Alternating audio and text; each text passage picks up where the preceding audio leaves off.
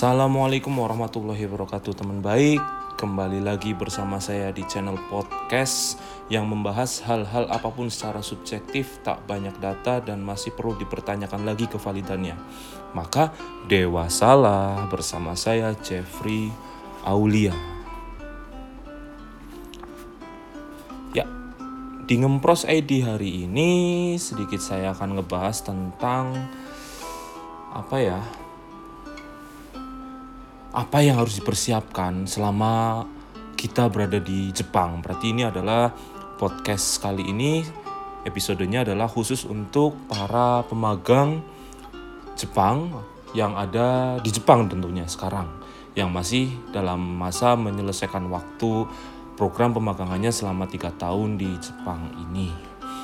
Oke, kenapa saya membahas tentang pemagangan ke Jepang? Karena kebetulan saya juga memang bekerja di salah satu lembaga pengiriman pemagang ke Jepang.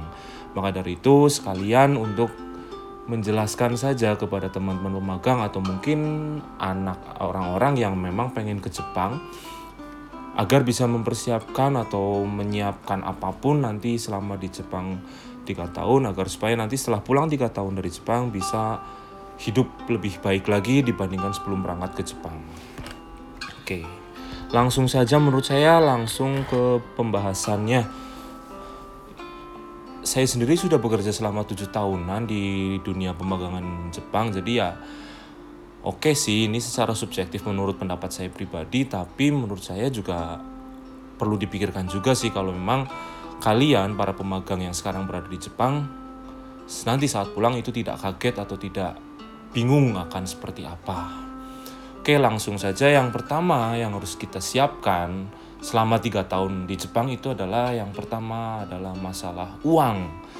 Ya, dengan penghasilan yang pastinya akan lebih besar dibandingkan kalau di Indonesia, pastinya uang adalah hal yang paling paling penting untuk kita kumpulkan, untuk kita kumpulkan, untuk kita tabung sebanyak mungkin sebisa kita supaya nanti setelah kita pulang dari Jepang selama tiga tahun di Jepang dan pulang ke Indonesia itu memiliki tabungan yang cukup banyak untuk membuka usaha atau mem membantu orang tua atau ya agar kita bisa lebih agar hidup kita lebih safe di negara kita sendiri. Itu sangat penting itu. Dan mungkin 90% para pemagang yang ke Jepang itu pasti tujuannya adalah yaitu untuk mencari penghasilan yang lebih banyak agar bisa ditabung dan bisa untuk survive di Indonesia. Oke, itu menurut saya yang sudah sangat-sangat lumrah kali ya, yaitu menabung. nah, selain uang yang bisa kita kumpulkan di Jepang sebenarnya banyak sekali yang bisa kita kumpulkan juga selain atau bukan kumpulkan ya, atau yang bisa kita siapkan selama kita di Jepang yang kedua itu adalah kemampuan komputer. Oke, ke, perlu diketahui juga banyak banyak pemagang itu adalah kebanyakan lulusan SMA SMK. Tidak sedikit juga sih yang memang lulusan S1 ataupun D3. Cuman memang kebanyakan adalah lulusan SMA. Mengingat lulusan SMA atau SMK atau D3 atau S1 ya sebenarnya sih sama aja gitu karena memang terkadang pekerjaannya pun tidak sesuai dengan hal materi-materi yang sudah pernah dipelajari di sekolah dulu kayak gitu. Cuman di sini adalah poinnya kenapa saya bilang penting untuk kemampuan komputer? Karena komputer itu ya tentunya di sini ya seperti Microsoft Office, Microsoft Word ya. Di dalamnya yang ada Microsoft Word, Microsoft Office, micro, ah maaf Microsoft Excel, PowerPoint dan sebagainya, Outlook dan sebagainya. Itu menurut saya itu sangat penting karena zaman semakin maju kalau misalnya kita kita tidak menguasai ilmu ilmu komputerisasi seperti itu akan tertinggal jauh menurut saya. Maka dari itu pastinya nanti pastinya pemagang di Jepang itu pasti akan mudah membeli komputer-komputer yang dengan spesifikasi yang cukup bagus, yang cukup mumpuni. Kenapa? Jadi kalau memang ada waktu yang yang cukup banyak, kenapa tidak dimanfaatkan juga waktu tersebut untuk belajar komputer. Apalah AutoCAD, Corel Draw, PowerPoint dan sebagainya, PowerPoint, Excel, Word dan sebagainya. Banyak sekarang tutorial-tutorial di internet bisa kita pelajari secara otodidak. Saya yakin, saya jamin itu pasti bisa. itu yang poin kedua yang bisa disiapkan teman-teman pemagang selama di Jepang. Poin ketiga atau yang ketiga yang bisa disiapkan teman-teman pemagang yang ada di Jepang itu adalah kemampuan bahasa Jepang pastinya. Seperti yang diketahui, level kemampuan bahasa Jepang itu ada 5, N1, N2, N3, N4, N5 dengan yang tertinggi adalah N1.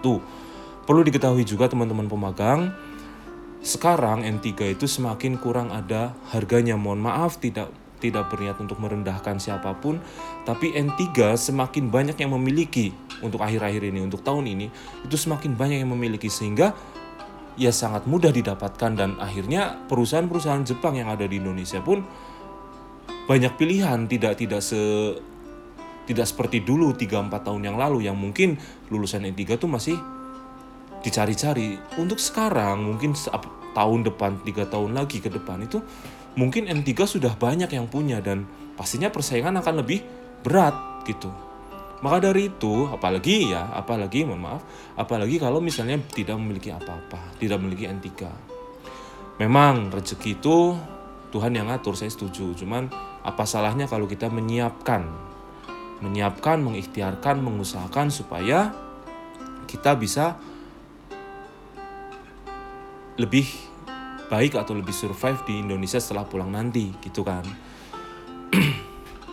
nah maka dari itu untuk kemampuan bahasa Jepang selain kemampuan Noryaku Shikeng yang ada sertifikatnya kemampuan kaiwa kemampuan percakapan juga menurut saya sangat penting. Maka dari itu ayo banyaklah banyak-banyakan ngomong sama orang Jepang. Bicaralah dengan orang Jepang. Apa saja. Gunakan kesempatan waktu selama tiga tahun di sana untuk melemah melemaskan lidah dan mulut kita dalam menggunakan bahasa Jepang. Itu juga sangat penting karena ya kemampuan Noria Kusikeng yang punya N2, N1 atau N3 tapi tidak dibarengi dengan kemampuan percakapan yang bagus ya menurut saya kurang saja. Maka dari itu, poin ketiga yang harus kita siapkan selama di Jepang adalah kemampuan bahasa Jepang.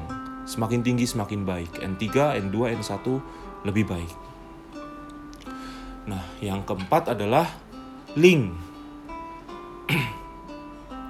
Yang bisa kita siapkan di sana adalah selain jalan-jalan dan sebagainya yang menurut saya refreshing tentunya itu tadi adalah link. Apa itu link? Ya misalnya kayak gini. Setahu saya di Jepang itu kalau ngadain sebuah ada perkumpulan yang ngadain sebuah seminar atau pengajian atau apa itu yang dipanggil itu bukan orang-orang sembarangan biasanya ikutilah acara-acara seperti itu. Misalnya ada seminar yang isi adalah seorang tokoh miliuner Indonesia yang cukup terkenal misalnya. Ikutilah, carilah ilmu di situ. Agar kita apa? Agar kita bisa punya wawasan lebih luas supaya kita bisa mengembangkan potensi kita di Indonesia nantinya kayak gitu. Atau misalnya ikutin perkumpulan-perkumpulan apalah yang positif. Saya juga saya yakin pasti banyak di sana perkumpulan-perkumpulan yang positif link itu sangat perlu. Jadi nanti suatu saat kita bisa kenal dengan banyak orang. Kalau misalnya kita bisa kenal dengan banyak orang yang tentunya orang-orang yang membawa kita ke arah yang positif pastinya akan menjadi lebih banyak yang membantu juga mungkin di masa depan. Apalagi kita juga bersikap baik terhadap orang lain. Maka dari itu, poin yang keempat itu sangat penting juga yaitu link. Oke. Ada empat yaitu yang pertama adalah uang pastinya, persiapan untuk menabung yang cukup banyak. Kemudian yang kedua adalah mengenai kemampuan komputerisasi. Yang ketiga adalah kemampuan bahasa Jepang. Yang keempat adalah pencarian link atau mencari link yang sebanyak-banyaknya. Itu menurut saya perlu teman-teman pemagang siapkan selama di Jepang.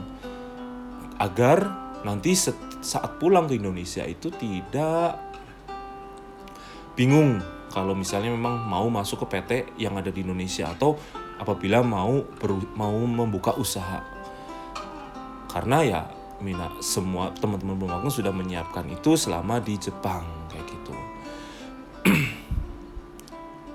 nah, tapi semua saran yang saya sebutkan di atas itu tidak serta merta itu menjadi sebuah perintah kepada teman-teman magang ya. Jadi saya sih hanya share saja apa yang saya pikirkan. Toh juga ini subjektif jadi belum tentu benar juga apa yang saya ucapkan. Tapi kalau misalnya memang benar ya syukur alhamdulillah. Jadi kembali lagi ke hidup minas ke hidup teman-teman masing-masing. Apakah akan seperti apa? Ya teman-teman pemagang pastinya juga sudah dewasa dan sudah bisa memikirkan sampai situ.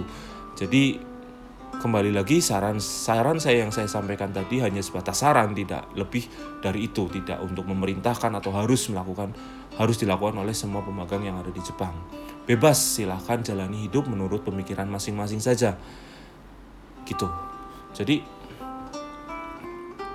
tapi ingat ada sebuah kalimat yang saya ingat saya terngiang-yang terus dari salah satu teman guru saya yang ada di tempat kerja saya yaitu dia pernah bilang di status WhatsAppnya hidupmu 100% tanggung jawabmu jadi jangan sampai lupa itu ya kawan jangan sampai lupa itu ya teman-teman magang Oke, untuk kali ini podcastnya cukup sekian dulu. Terima kasih, semoga bermanfaat. Wassalamualaikum warahmatullahi wabarakatuh.